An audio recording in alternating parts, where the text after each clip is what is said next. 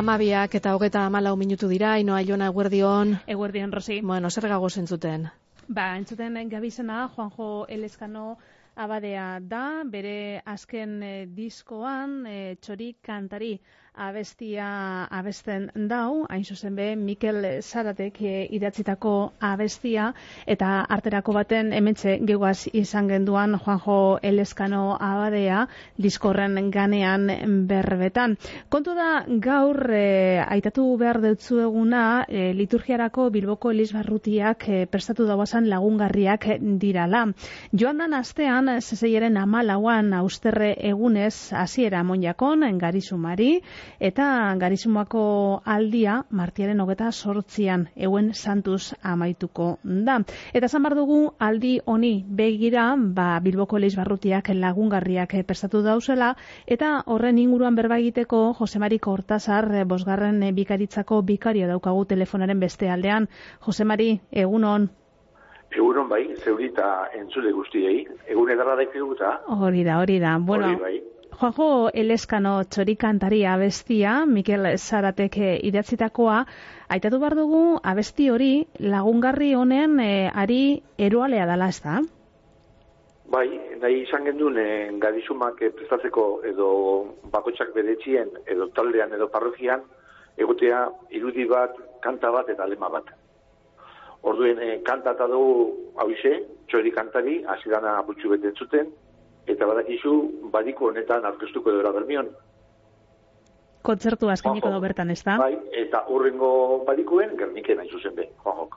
Bueno, kanta hori da txori kantari, e, irudia da txoritxo bat, txori kantari bat hori salmoetatik atadako irudie, eta edo txori horrek, ba, holan pentagrama bat edo kantetan deu, eta bos gai e, jorratuko deuz. Gadizumako azte txorako gai bat, bai bakea, migrazioa, hitza, batzarra eta maitasun eta zuzentasuna horretze dira boste gaiak, ez da? Bai, bai, holanda. Konte guzu, Jose Mari, zer dela eta prestatzen dira lagungarri honek, zein helburugaz? Bitu, e, garizuma da, ba, kirolari batek bateko partidu importante bat, lehenengo konzentrazioa egiten da, ez da? Bai edo artista batek badeko teatro lan bat, edo kantaldi bat, bale nengo ensaio onak behar dut. Mhm. Ba, gure jai nagusia Paskoa da, eta hori preparatzeko, ba, bost aste hartzen dugu, berroi egun, galizu mie. Horren, horren lagungarri, e, euskeraz gauza gitsi dago, bizkaian beba dago olako evangelizazio plan bat eginda, eta horrek lotunda, ba, matela batzuk eskitzen dugu.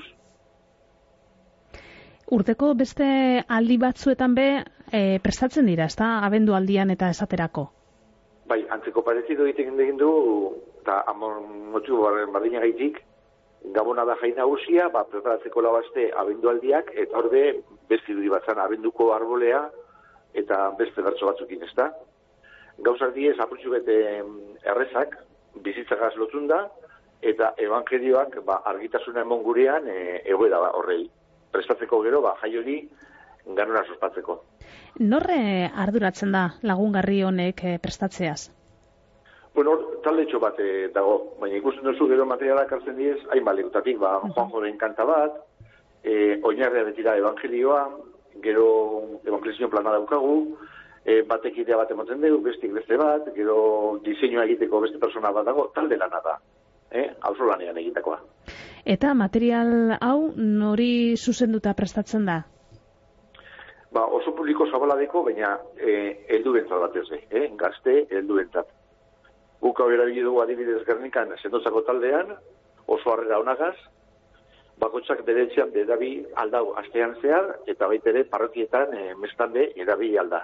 Orduen dira idea pilo bat, eta norberak hortzik hartzen dau e, zer da funtzatu aldauen guk erabiltzen dugu idea moduen nebera bat, ezta? Nebera bat egego etxean, tan dagoz gauzak, eta norberak atea zapaldu, hartu beharreu zer gura dauen, eta egokitu bere talde edo parrokira bai. E, lagungarria materiala aitatzen gabilz, e, baina hobeto ulertzeko, zelako materiala da, e, ze formatotan aurkezten da, zelako edukiak batzen dira bertan? Bai, oso simplea da, eh? dira bositza, eta txitsabagutxak da e, horri horrialde bat, ez da gehiago gaur ikusi realitatea, ba, etorkinak, edo batzarra, edo jaunaren berbea, edo pobreak. Ikusi berdea, gero jaunaren berbea argitasuna emon, kriterio batzuk hori lantzeko, eta gero ba, konpromiso batzuk e, egiteko ba, idea batzuk. Baina, e, era laburrean, oso ondo aurkezuta kolorietan e, folio bat e, azte bako txean. Oto eta guzti. Eta taldean egiteko, zein norberak bere kabuz egiteko modukoak? Hori da, ukedien, eh? norberak bere kontura landu aldau, eta gero ba, beti taldean egiten bada, edo parrazian egiten bada, ba, aberazgarriagoa, bai. Eta lagungarri honek, e, non eskuratu leiteke, ez bate batek interesa eugi eskero? Bueno, oso bezala, errezena da e, parrokira jo. Orduen parrokian beti dago edo abadea, edo parrokiaren ardura duna, laikoren bat, eta berari eskatu. Edo bestela, internetez be, e, Eliz Barrotiko web horrian, han asidan dago non dizartu, txolitxu batzuk ikusten diez, han klikatu, eta handik be, e, bajatu ez, eta imprimitu norberak edo taldeak, bai. Jose Mari Kortazar, e, bosgarren e, bikaritzako bikarioa, eskerrik asko gaur begugaz izate gaitik.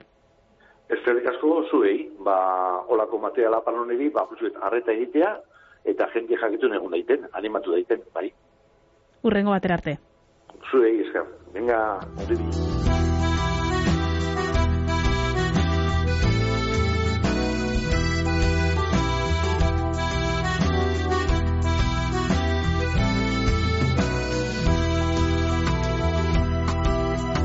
Txoriak postuten dau Uda barri goizan Eta nik postuten dut Guztien bihotza Non nahi entzuten dabe Nire kantu hotza.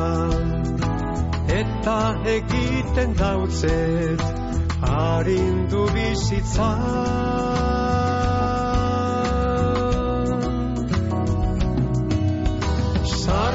Zertan ikusten dut negarra munduan ugari Baina neu izango naz guztien bihotzen posgarri Pozik kantetan nabil inguruan postuten beti. Lorataran zartean izan nahi dut txori kantari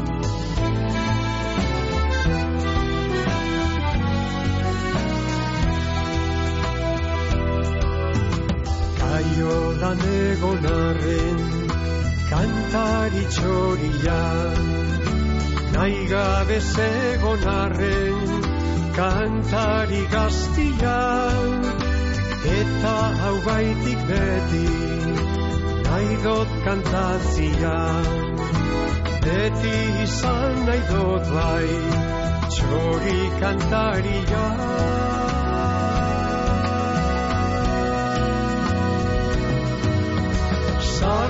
Sarritan ikusten dut negarra munduan ugari Baina neu izango naz guztien bihotzen posgarri.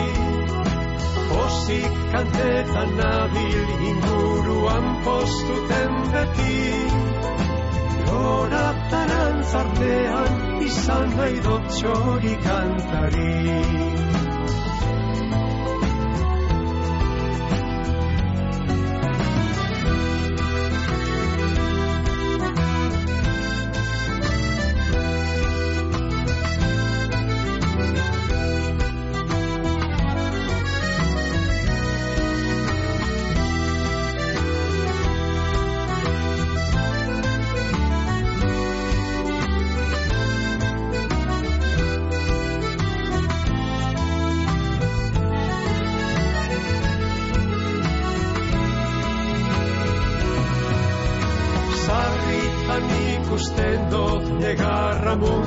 banu gari Baina neu izango naz guztien bihotzen posgarri Bozik kantetan nabil inguruan postuten beti.